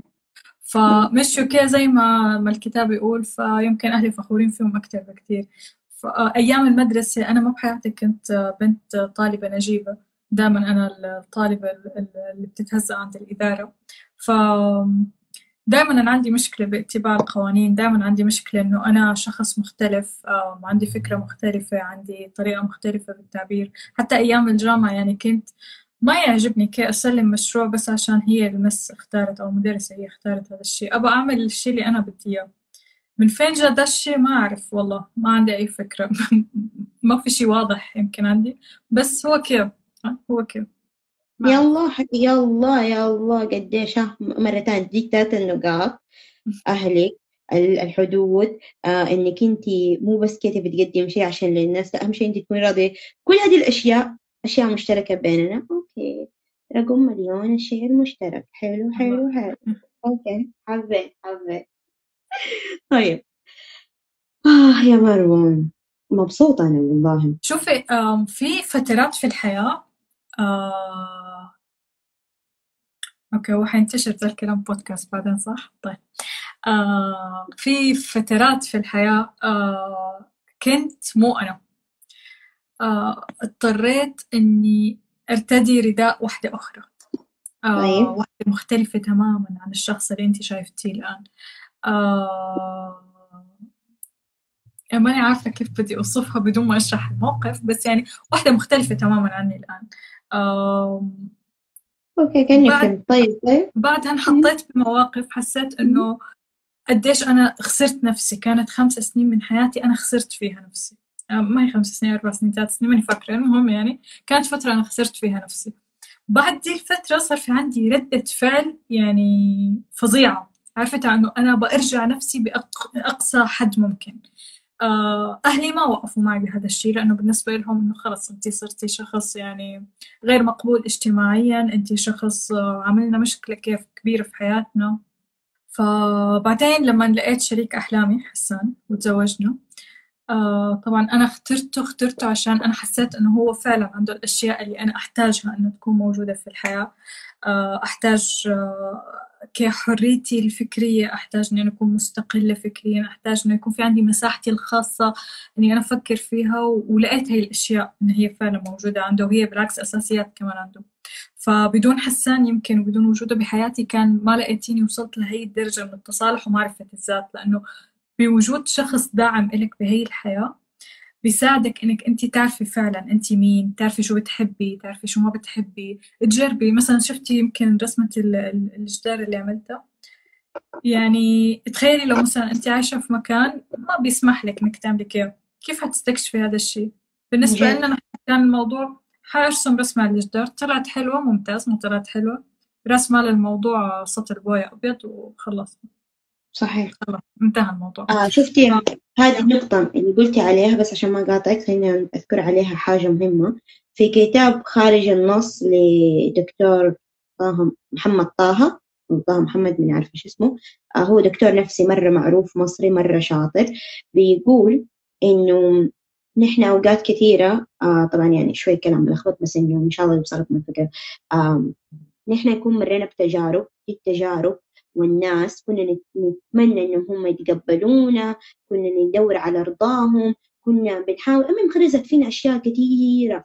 طيب بعدين إحنا صرنا ندور ناس تانيين ندور أشياء تانية عشان نحن نحاول نطبق فيهم نفس التجربة أو نفس الناس عشان نبى منهم الشعور اللي هم مثلا ما أعطونا هو. يعني أهلنا رفضونا أو أهلنا ما رضوا يتقبلونا. نحن بنرجع مرة تانية بنوريهم إنجازاتنا وهم هم رافضين هم ما يبوا كل مرة نحن بننكسر بننكسر وبتصير جواتنا كده مشاكل كثيرة. فبيقول الحل إنك يا إنك تروح تتصالح مع الشخص من جديد أو إنك ترجع تتقبل الموضوع. وفي كده كده طريقة قالها. وآخر شيء إنك مثلا ترتبط بشخص يتقبلك زي ما أنت ويبدأ يعوضك عن عن كل الحاجات التانية وتبدأ خلاص أنت move on. اللي دائما نقولها خلاص عديت ديك المرحلة وحقيقة تصالحت مع نفسك وتبدأ تقدر تعيش. فهذا هو الحتة اللي انت وصلتي لها وقدرت توصلي لها. ويعني وإنك وصلتي لها والحمد لله إنه ربنا سخر لك حساني لين عندك. ترى يعني هذه نعمة نعمة الحمد لله. يعني ترى ناس كثير إلى دحين هم هم ما لقيوا ذا الشيء. إلى دحين هم مو قادرين يوصلوا له. ف...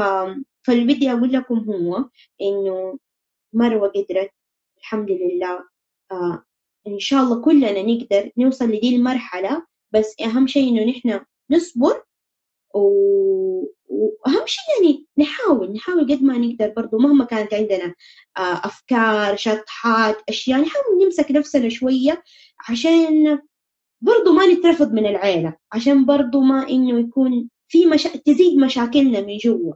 يعني مو إنه نحن مرة نغير من نفسنا ونكون زي ما هم يبغوا لا بس إنه نحن نحاول نكون في طريق كويس عشان نحن أهم شيء نعيش مبسوطين اللي دائما بتقولوا مروة إنه نحن نقدر نكون مبسوطين سعيدين إنه نحن بنشتغل نحن بنسوي أي حاجة. um, yeah that's it.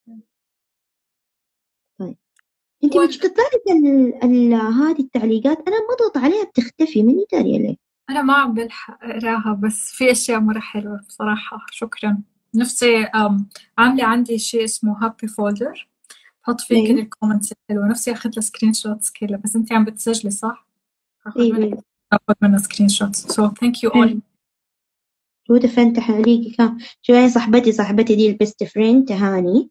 آه هي دي فين فين والله قاعد يختفي التعليقات. أمين داري كيف. شباب أحد يقول لنا كيف ما لما أضغط عليه ما تختفي. أحد يعلمنا شوية. لأن أنا ماني دارية ليه. ليش قلت يا توتة راح راح خلاص خلاص اللي راح راح. أهم شيء لما يروح شيء خلاص ما نحزن. عنه أهم شيء نعدي تبعت هاني كانت كاتبة إنه المفترض وأحس إنه الأفضل ما نحط مجهود كبير في إنه نثبت أهمية الأشياء اللي بنحبها للناس اللي مو متقبلة. المهم أنا حاسة بالإنشاء الإنجاز. وشي ما بضر حدا حتى خلاص حتى لو الأهل. أنا بتفق معك إيه الواحد يشتغل على استقلاليته يحس إنه هو فعلا مستقل يحس إنه هو عم بيعمل الأشياء اللي هو بده إياها. وبصراحة يعني عجب ما عجب يعني الموضوع دي my theory في الحياة. آه طبعا توتا صاحبتي تهاني آه هي أخصائية اجتماعية و فهي هي دائما ترى تدعمني ترى يا مروة. يعني آه مسكينة مرة مسكينة وتتحملني مرة كثير. وتجي كل خميس عندنا في البيت خميس وجمعة تبات عندنا تسمع مشاكل مشاكل أخواتي وما أعرف إيه. تسمع لنا هي دائما تدينا نصائح هي دائما كده تفتح لنا آه كده الحتة اللي إحنا ما إحنا شايفينها تلم لنا المواضيع. توت أنا مرة أحبك قدام الناس شوفي كلهم أقول يعني عشان تعرف إن أنت على الصدفة أنت عم تحكي عن رفيقتك وأنا my best friend برضه دخلت الآن. فين دانا مني دانا أهلا يا دانا شايفة الله هي وعدتني انه حتفضحني على الشات بس ما حتفضحني ان شاء الله لا لا لا دائما البست فريند يعني طيبين مو بس كذا يهددونا صح ان شاء الله فمثلا شوفي أنا زي كذا توتة بالنسبة لي هي هي الملجأ الآمن يعني يعني لي دائما لما أنا أمر بأي شيء بدي المشاعر نفس المشاعر اللي أنت بتمر بيها نفس الرفض اللي بتلاقيه. فدائما تدعمني. فأنا عندي ذا الشخص يعني الحمد لله اللي اللي قاعد يدفني. قاعد يخليني أضع نفسي قاعد يساعدني إنه إنه أنا لسه أعيش لسه أكمل. ترى يعني أنا لو يمكن هي ما فهمت صح أنا قوية صح أنا دائما يعني أجتهد وأنا ما يهمني أحد ولا شيء ولا ما أستنى حتى أحد يدعمني بس بس هي دائما معايا دائما معايا. فإنك أنت تلاقي شخص دائما معاك مهم عشان ترى ربنا خلقنا زي كده خلقنا إنه نحن ما نكون لحالنا. يكون معانا شخص يساعدنا إنه نحن نعيش وننبسط ويفهمنا ويسمعنا زي كذا يعني من كلام كثير دحين صاحبة تنحرج. آه. على فكرة ترى مروة أنت محلوة اليوم ما أعرف. فيكي شيء آه. متغير؟ عيونك الحلوة مبسوطة أنا. الحمد لله يا رب لك الحمد. طيب آه، أنت دحين عندك شركة صح؟ عندي إيه؟ عندك شركة؟ تمام. حلو. وعندك فريق. طيب الشركة دي إيش بتقدموا فيها؟ حاليا حاليا ما عاد في فريق. آه يعني فريقنا جدا جدا صغير. وقلت لك أنا موقفة كل شيء فكان الفريق ضمن الأشياء هاي اللي أنا وقفتها. وحاليا يعني تركيزي الأساسي صح الشركة موجودة أشياء تبع سترونج موجودة شوية أشياء تانية موجودة. بس بشكل أساسي أنا موقفة كل شيء ومركزة بس على الرواية وعلى المسلسل.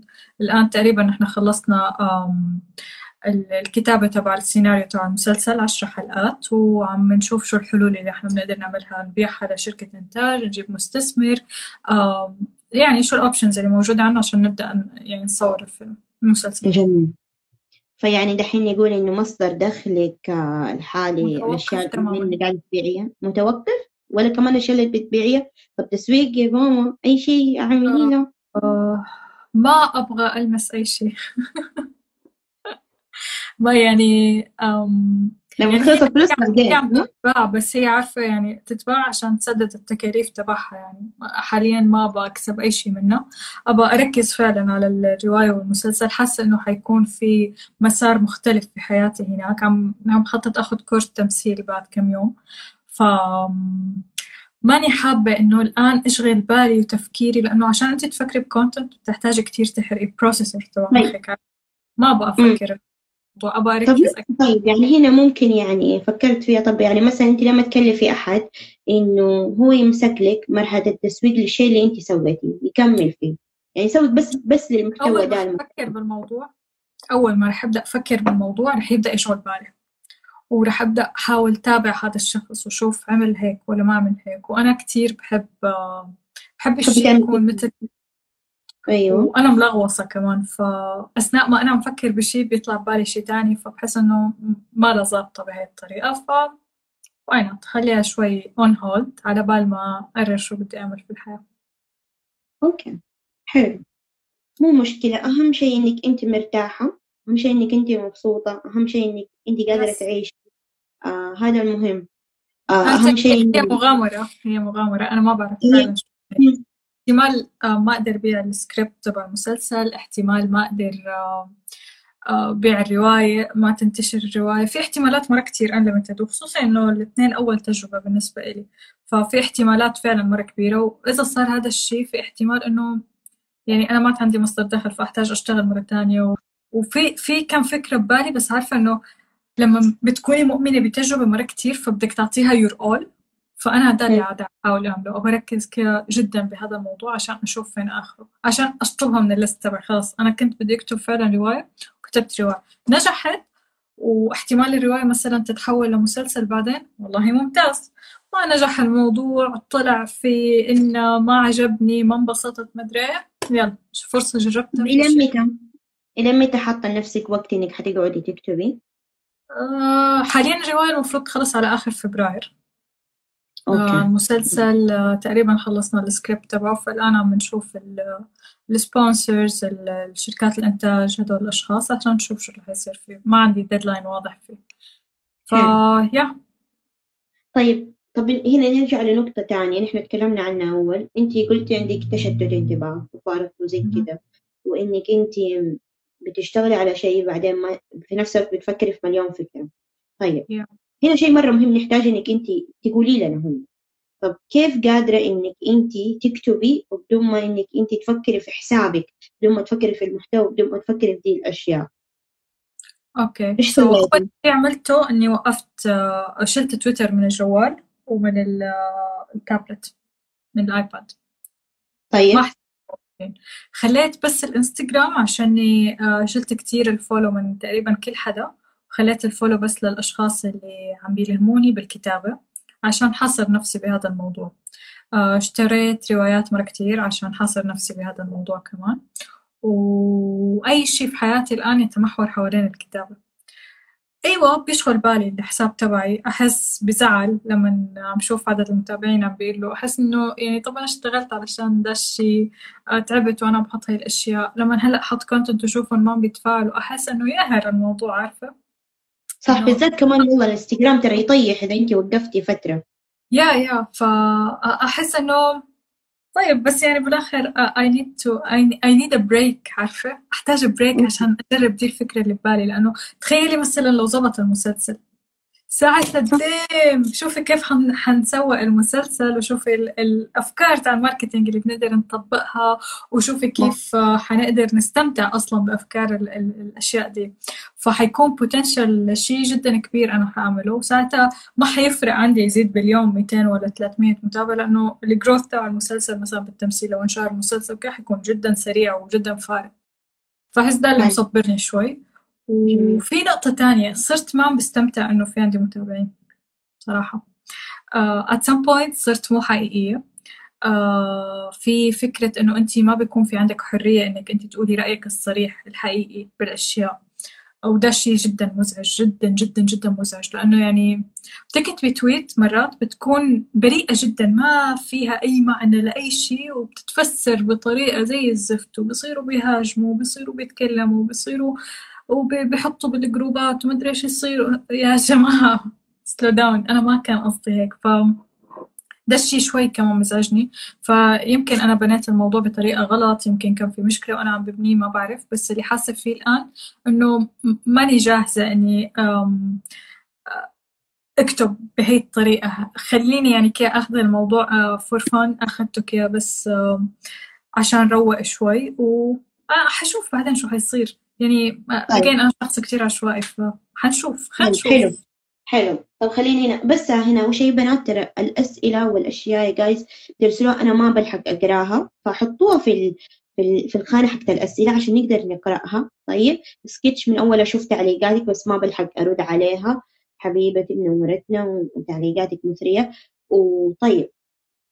هنا أنت قلتي حاجة إنه الناس بيحكموا عليكي.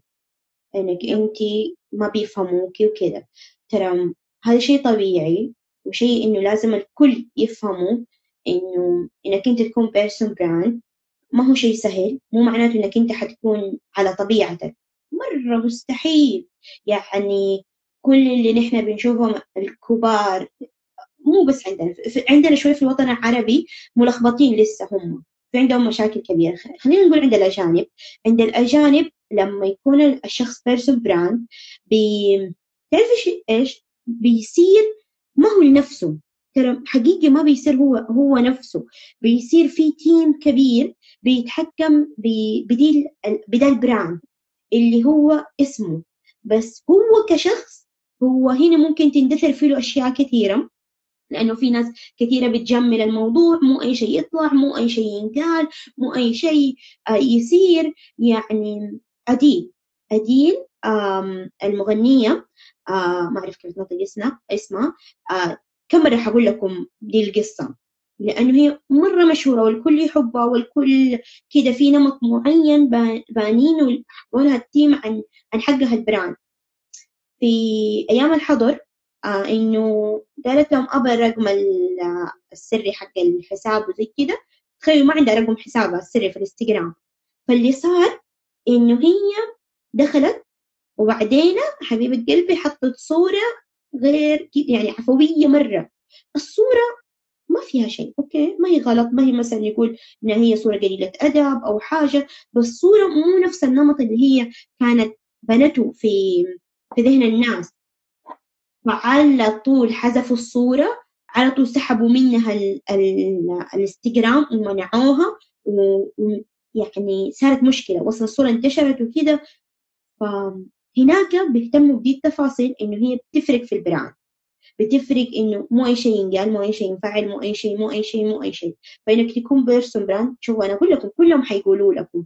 وأنا حقول لكم وحتدخلوا معايا مساحات مرة كثير ومعايا ناس مرة شطار في ال brand بيقولوا لكم ال personal brand هو هو الأساس هو هذا بس شايفين مروة إيش قالت؟ هي هي بدأت تحس إنه بينحكم عليها غلط. بتحس إنه هي ما قادرة تكون هي. ترى هذا اللي حتمروا فيه. لازم تستوعبوه. لازم تستوعبوا إنكم أنتم داخلين في business ما أنتم داخلين بس كده. إذا أنتم بدكم تدخلوا بس كده آه لازم تكونوا مرة متقبلين. لازم تكونوا تعرفوا إنه ال brand حقكم حيكون عليه صور مختلفة ما حيصير brand حيصير كده لخبطة وحيصير مشاكل زي المشاهير اللي عندنا اللي اللي كل يوم بهرجة كل يوم بحكاية كل يوم بشيء بيسووه فيلم دراما آه، آه، كده ترند يطلعوا به انت تبى تكون brand تبى تكون person brand وتبى تكون مؤثر زي كده لازم تعرف إنك أنت حتشتغل على نفسك مرة كثير وحتحكم نفسك في مرة أشياء كثير فإذا قادر حقيقي إنك أنت تكمل في ذا الطريق okay good كمل. كيف بده يعرف إذا ما جرب؟ أيوه لازم يجرب. يا الواحد ما يعني بيتخيل إنه هو بيقدر يتحمل المشاكل دي بس at some point uh, ما بيقدر. mental breakdown. أنت إنسان. انت انسان في طيب نقطة كمان مهمة هنا في واحدة السنة قالت مروة أكثر شخص أعرفه بالسوشيال ميديا حقيقي. هذا في عليه سؤال كنت بسألك عليه. دقيقة. بس هنا إيش راحت عن بالي الهرجة؟ إيش كنت بقول؟ إيه خلاص خلاص خلينا طب نرجع لدي النقطة حقت إنه مروة أكثر شخص حقيقي.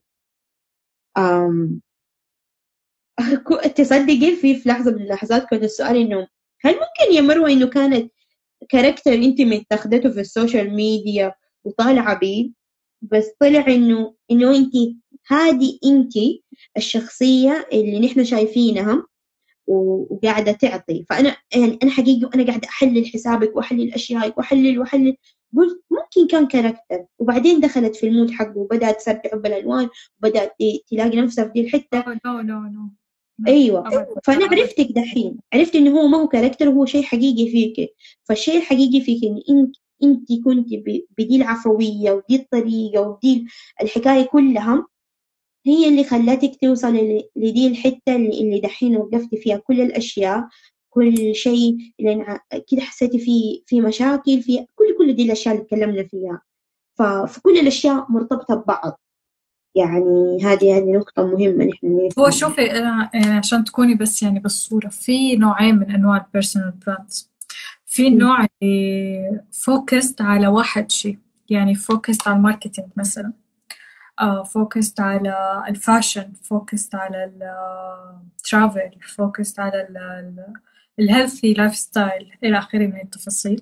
وده ال brand اللي اللي بنعمله واللي أنا كنت بادية فيه. الفكرة الأساسية اللي بتكون فيه إنه أنت لازم تتكلمي عن هذا الموضوع تحديدا بمختلف الطرق بشكل مستمر. بينما اكتشفت إنه في شيء تاني أنا بحبه أكتر. يمكن بيناسبني أنا أكتر بيناسب العشوائية تبعي بيناسبني آه بيناسب أفكاري بيناسب التوجه اللي أنا بحبه اللي هو ال lifestyle brands اللي هي ال brands اللي تقوم على ال lifestyle تبع الشخص ده. يعني أنا أوريكي أنا إيش في بحياتي كيف أنا مثلا عملت بويا للجدار كيف عملت داشي كيف سويت داشي أنا كيف ببدأ يومي شو مهمة اليوم اللي أنا بحطها لأني أنا بعملها بنفسي شو الشيء اللي بنشتغل عليه. الفرق بين الاثنين مرة كبير. ظاهريا بالنسبة لك أو بالنسبة للجمهور يبان إنه الاثنين هم personal brands يبانوا إنه الاثنين شخصين مشهورين. بس فعليا لما تتكلمي عن ال lifestyle لو بتلاحظي أول شيء الناس راح يقولوا لك oh ديك البنت اللي اللي دائما غرفتها ملونة اللي لونت بيتها. حتسمع هي الكلمة على طول. Not a specific thing. أنا ماني رسامة. أنا ما أعرف أرسم إذا بدك الصراحة. بينما الحالة الأولى اللي أنا كنت فيها عايشة فيها واللي كنت عملتها اللي هو البنت اللي بتحط أشياء عن ال marketing سهلة. وده فرق كتير كبير. أنا أظن ده عامل لي كمان مشكلة كتير كبيرة. الناس ما بيتقبلوا الآراء الشخصية من الشخص اللي شغال بال personal brand ال focused على الشيء الواحد. يعني أنا مركزة على التسويق فجأة لونت البيت. بتلاقي فيه unfollow بينما أنا شغالة بفكرة إنه أنا في عندي الأشياء الملونة دي في عندي ده ال lifestyle آه بديت مثلا مؤخرا ما عاد كثير يفرق عندي. أنا زايد وزني ولا مو زايد وزني وأشغل بالي بهي التفاصيل. لا خلص صار مثلا رح شارككم إنه أنا هلأ طالع على بالي أخذ course مثلا رقص. رح شارككم إنه أنا اليوم أخذت course برسم عشان آه، كتب الأطفال. أنا اليوم قررت إنه أنا بدي أعمل سلسلة مدري إيه. فأنتوا عايشين معي الحالة عايشين معي الطريقة اللي أنا بفكر فيها عايشين ال lifestyle ده كامل عرفتي؟ أكيد. okay. ف... يعني نقدر نلخصه بكلمه اسهل إنه نقول زي المشاهير اللي بيتابعوهم في السوشيال ميديا إنه نفس الفكرة فاهمين؟ ففي فرق بين ال ال ال يعني هو كله person brand بس هذا مشهور إنه المصطلح اللي بيطلقوه عندنا عليه هذا مشهور وهذا business فهنا الفرق بين الاثنين لازم تفرقوا. فأنت خلاص نحن نحن كده عرفنا انك أنت خلاص اخترتي مجال إنه تبي تكوني ال lifestyle حق حق مروة. هذا هو اللي أنت المكان اللي بتكوني فيه. وبعدين الناس بيتعلموا من تجاربك. وهو ال lifestyle كمان بيساعدك إنك أنت تكوني creative أكثر يمكن بالمنتجات بالأشياء اللي أنت عم تعمليها. يعني الآن آه، عشان المسلسل عملنا brand ملابس بسيط كده. لسه ما بدينا في كتير أشياء بس أشياء بسيطة يعني. آه ال brand حيكون brand مستقل لحاله اسمه The Joy Project إيش الملابس دي؟ إيش الفكرة؟ كيف حتت حتتحط؟ كيف مدري إيه؟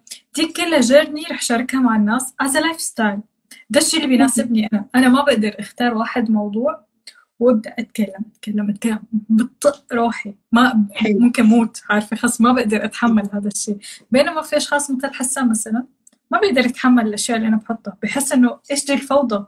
ليه ليه؟ إيش دي الشعكه؟ لا ركزي على واحد شيء عشان توصلي للهدف. فهي طريقتين مختلفة في الحياة. ما في صح ما في خطأ. صح. بس آه، المهم إنه الواحد يختار يعرف هو أصلا وين رايح عشان يعرف شو الأشياء اللي هو لازم يشاركها ولا ما يشاركها. هذه كمان ترى نقطة مشتركة بيننا تانية لا رقم مليون. أوكي, أوكي. خلصنا مليون صرنا مليون وعشرة. آه طيب. أم... إيش إيش كمان حلو. في أسئلة. طب ليش يا مروة؟ أيوة هنا. ليش يا مروة اخترتي تسعير الدورات تكون رخيصة بخمسة وثلاثين مثلا؟ وهل له فايدة حقيقي أو أفضل نسعر بسعر أكبر شوية؟ طيب. أول ما بلشت إني أعمل التحديات اللي عم بعملها خليني بس أشرح لك أصلا هي ليش تحدي ما دورة. الدورات الفكرة تبعها إنه أنت بتحضري الدورة بتعملي ال homework تبعك وبتمشي. التحدي دايما لما أنا عم بعمله عم بحاول إني أنا أبني عندك عادة. عم بحاول خليكي إنك تنجبري إنك انت تشتغلي على الشيء عشان تقدري توصلي. فبتلاقي الواجب ما له واجب عشوائي بتلاقي الواجب عشان تطبقي على حسابك direct عشان انت عندك في هذا الواجب عشان تحطي له post عندك عشان كيف هذا اليوم الأول اليوم الثاني حيصير فيه هيك اليوم الثالث رح يصير فيه هيك. فعشان هيك سميتها تحديات. هلا أول ما بلشت كنت بيع التحدي ب 500 ريال وكان شامل التحدي آه إنك أنت تسلمني الواجبات وأنا صحح لك إياها وبعدين حنعمل خمسة ولا ستة ولا عشرة والله ماني فاكرة كم كم آه كم استشارة اتصال. آه نراجع فيها الواجبات ليش صح ليش غلط ليش أنت كي عم تتكلم ليش حطيت ده لا غلط كي لا عدل لا صلح لا مدري إيه لين ما نوصل للفت بلان تبعك. اكتشفت شغلتين أول شيء أنا استنزفت لأنه صارت آه صارت الفكرة إنه الناس بيدفعوا فلوس عشان نتكلم. فصار الموضوع كأنه فضفضات عاطفية. والموضوع الثاني إنه الناس فعليا أنا حتى لما عم بتكلم ما بيستفيدوا. اللي بيستفيد فعلا اللي بيطبق وفي ناس كتير ما بيطبقوا بس هيك بيحطوا. بتعرفي مرحله تحل الواجب عشان تحل الواجب ما عشان أنت تتعلم. فما كان في استفادة فعليا من هذا الموضوع. ففكرت مرة ثانية أنا شو الشيء اللي أنا عم بقدمه؟ وكان وقتها على رمضان ذيك الفترة. أظن أول رمضان بالحجر كان ولا شيء زي هيك. ف اللي عملته إنه قلت okay أنا حشيل الاستشارات تماما لأنه واضح إنه ما في منها فايدة كبيرة. وراح خلي بس ال content وراح أحط ال content كل يوم بواحد ريال عشان يقدر إنه هو يتابع كل يوم واحد واحد homework كل يوم واحد homework كل يوم واحد homework منه بنى العادة. ومنه إنه هو عم بدفع واحد ريال باليوم which is nothing أقل حتى من سعر علبة البيبسي. ف وزبط مع الناس حبوه كتير وأنا بالنسبة لي انبسطت كتير لأنه أنا بالآخر صرت عم باخذ السعر اللي أنا أستاهل إني أنا عملته لأني أنا جمعت لك ال content ورتبت لك إياه وظبطت لك إياه وحطيت لك إياه بطريق سهل إنك أنت توصل للشيء اللي أنت بدك إياه. فعليا لو بتفكري فيها إثار أي content موجود ببلاش أونلاين أي content بتفكري فيه. من إيه. بداية العمليات المعقدة بالطب نهاية بإنك أنت إن شاء الله كيف تعملي ولا كيف تصلحي سماعات جوالك. كله موجود free كل كل كل شيء. فشو ال effort اللي أنت فعلا بتعمليه لما تعملي دورة ولا تعملي كتاب جديد ولا تعملي شيء جديد؟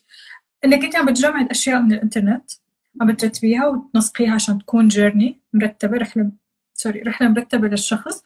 plus إنك أنت عم بتضيفي عليها وحدة layer من الخبرة والتجارب تبعك. حلو. فده الشيء كم يسوى عند الشخص.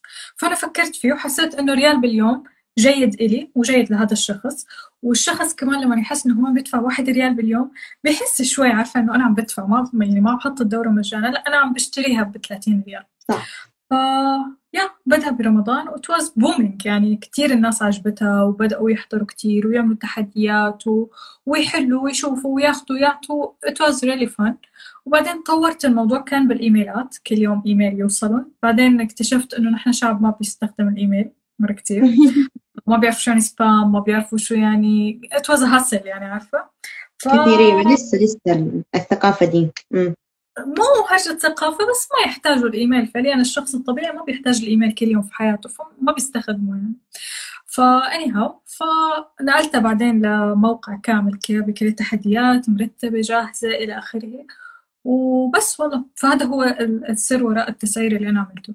هلا هل هو مناسب للكل ولا لا؟ بصراحة ما بعرف. بدك تجربي. يعني أنا جربت 500 بعدين جربت 100 بعدين جربت 30 بعدين وصلت ل 35 أفضل عشان في مرات كثير الكونتنت عم بيزيد على 30 يوم. آه بتحتاج انت تجربي. تشوفي في أشخاص بدهم استشارة من عندك ما بدهم استشارة بدهم آه فعلا آه شيء من عندك ولا لا. بس نصيحتي دائما آه قبل ما تفكري إنك تعملي دورة ولا تعملي آه هذا الشيء بمقابل مادي ولا مو بمقابل مادي ولا إلى آخره من هذا الشيء فكري أنت شو بدك تضيفي على هذا الشيء شو ال layer الإضافية اللي أنت اشتغلتي فيها؟ شو ال layer يعني اللي, اللي أنت حسيتي فيها إنه أوه أنا فعلا عندي شغلة مختلفة. يعني وقت بديت أنا بدي أعمل دورات كانت أول أول وحدة عملتها تبع أصنع اسمك أونلاين ما زالت الآن موجودة بالموقع. اصنع اسمك اونلاين. أنا اول شيء عملت مجموعة تجارب مرة كبيرة على حسابي خلال يمكن فترة سنة كاملة. بعد كذا كمية الكتب الكبيرة جدا جدا جدا جدا جدا اللي قريتها. ما يزيد عن 200 كتاب فيها. كمية الدورات اللي حضرتها كمية اليوتيوب اللي شفته وكمية تجارب شخصية أصلا عملتها مع مختلف ال brands مع مختلف الحسابات عشان قدرت أوصل لهي الشغلة. بعد كده أخذتها وده الشيء ال input تبعي إني أنا بسطت هي المعلومات. فأنت لو بتحضري ال course من البداية للنهاية ما بتلاقي فيه أسماء مصطلحات جديدة. ما بتلاقي فيه كلمات غريبة أنت ما بتعرفي شو معناتها.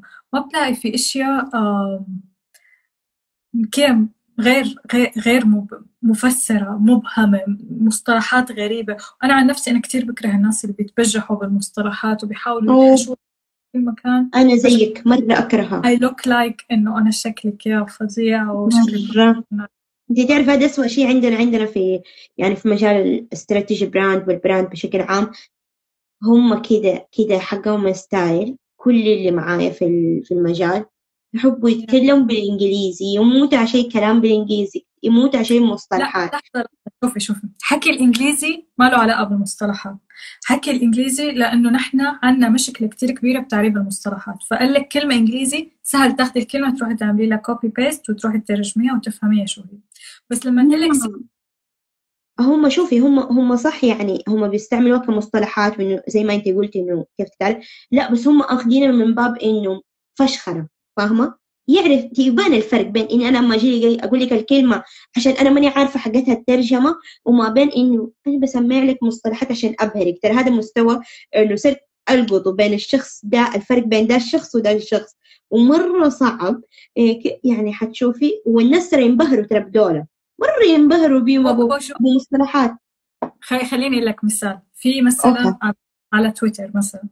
آه لما تشوفي في واحد حط مثلا شيء عن ال branding مثلا which is um, منطقة رمادية ما ما لها تفسير مرة واضح ومحدد وده الصح وده الغلط. لك لا ال branding مو كده. مو بس كده ال branding لا لا مو بس كده. طب إيش هو ال branding من وجهة نظرك؟ لا ال branding أكبر من كده. طب اللي هو إيش يعني؟ ما, تديني شيء. إيش يعني أكبر من كده؟ اللي ال branding فيه؟ vision و mission كده. ودي يعني كده ودي يعني كده ودي يعني كده. ودي بتعمل كده ودي بتعمل كده ودي بتعمل كده. ليه فجأة تقولي لا هذا مو بس ال branding أكبر من كده؟ طب يعني إيش هو ذا الشيء؟ كالسر عشان الغموض عشان ال mystery داج في ال brand عشان يشوفوا كنا تتكلم عليه فبتعطيني شيء يعني كأنه أساس يعني تصدقي هذا صار البراند حق البراند فاهمة كيف البراند حق البراند أيوه. إن هم عملوه إنه هو شيء غامض وإنه كده شيء مرة خطير شيء ما تفهميه شيء المفروض أيوه. إنك أنت ما تفهمي هذا هو أيوه. فأنا دحين قاعدة فكري بكل شيء على فكرة يعني أيوه. مثلا حتى لما عم تحكي يعني قبل فترة تعرضت لموقف صحي بس يعني فالدكتورة كانت تقول مصطلحات. طب أنا ما أفهم عليكي أنا ماني فاهمة. تفتحي ال application تبع النهتي care مثلا. آه، كاتبين لك كده تحليل كلياته أرقام وإشارات. طب أنا شخص بسيط لله يا جماعة يعني ما تشرح لي إيش ده؟ ما تكتب لي إيش يعني يا أخي؟ أنا ماني دكتورة أنا ما درست دي الأشياء ما أعرف. اشرح لي اشرح انزل من برجك العاجي يا حبيبي واشرح لي. انت إيش قصدك؟ إيش عم تتكلم؟ بسط لي المعنى عشان أنا افهم عليك. عشان ما نخلي المسافه بيننا دي مرة كبيرة. صح. طب استني أنا في عندي مشكلة تعرفي مروة؟ يعني أنا دائما كنت أشتغل بدون ما إني أصنع محتوى. وماشي الحمد لله شغلي وزي كده وتمام ويجيب فلوس وهذا. بس كده حسيت إنه في منطقة راحة كنت فيها وما عاد بدي أكمل فيها. بعدين يعني ما صار كفاية علي وكده. لما دخلت في صناعة المحتوى عشان عشان أنا بدي أبني مجتمع مو عشان بدي أجيب فلوس. فلما دخلت صرت أتكلم. في البداية كنت مرة غموض. طيب؟ style هذا ال brand حق حقون ال brand. طيب؟ كنت أتكلم بغموض. بعدين بدأت شوية شوية لا أخفف الموضوع. بدأت أربط الأشياء. المهم وصلت لمرحلة إنه أنا صرت أوصل المعلومة بشكل مرة بسيط بشكل أصلا ما يبان إنه هو أنا بتكلم عن ال brand. طيب؟ فأحس إنه في ناس كثير هم مو مستوعبين الموضوع إنه هذه هل حقيقي هي بتتكلم في ال brand يعني بلاقي الناس اللي هم فاهمين أصلا إيش يعني brand فبيفهموا ده الشيء البسيط مرة. وفي نفس الوقت إذا تكلمت بشكل مرة معقد يعني أو بالمصطلحات العادية وكذا وكترت منها طب هم فاهمين حقيقي هم فاهمين. ترى يعني يعني أنا بس عشان عارفة إنه كلمة brand وإيش يعني brand وكيف تستفيد من ال brand وكيف تكون brand يعني قد إيه عملت مساحات قد إيش عملت محتوى قد إيه قد إيه. بالله يعني تعرف قد إيه نقطة الناس اللي, اللي فهموا ده الكلام؟ مرة قليل مرة قليل. لدرجة يجوا يكلموني في أشياء ثانية؟ طب طب أنا أنا brand أنا مو تسويق أنا مو مدري إيش أنا مو مدري إيش.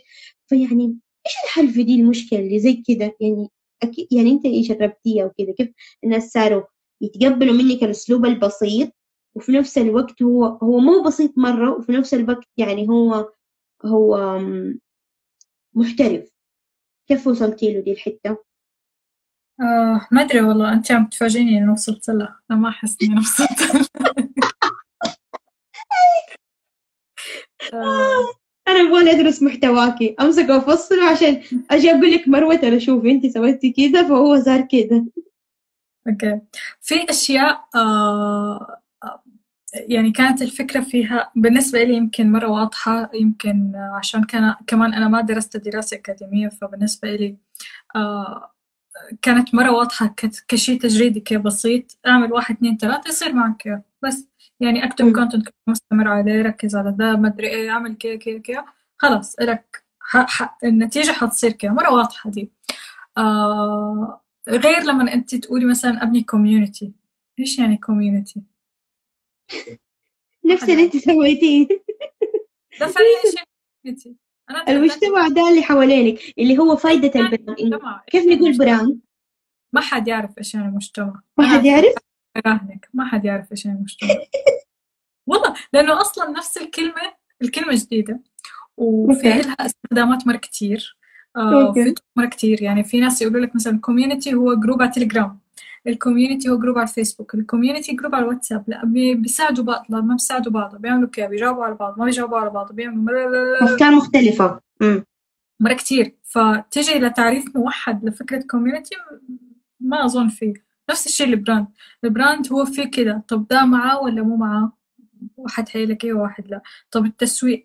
هو التسويق لين ما هذا ينباع ولا من قبل ما تنبني الشركة ولا قبل ما تنبني الفكرة برضه في يعني the sky is your في مرة كتير تفسيرات عليها. فأنا أظن إنه الشخص لما بده يشرح شيء يشرحه بدون كيف بدي بدون ما يفكر ب بدون ما يفكر كيف يعني ال ال ال ال الشيء الغريب. عم تشرحه في واحدة كانت كاتبة يعني الواحد غبي. أنا ما بدي أقول واحد غبي بس يعني كأنك عم تشرحه لشخص ما بيعرف ولا شيء.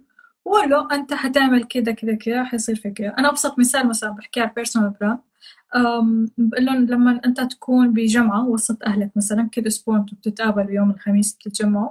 فتخيل إنك أنت كل خميس رح تتكلم مثلا على اللوح اللي انت عم ترسمها. أو خلينا نحكي هلا مثلا عن مثال أنا فيه. حتحكي عن الروايات اللي, اللي انت عم تقرأها. شو النتيجة؟ النتيجة بعد آه، سنة من إنك أنت عم تتكلم عن هذا الشيء. أي شخص حيفكر بأي رواية رح يجي يسألك. ده personal brand بأبسط أشكال.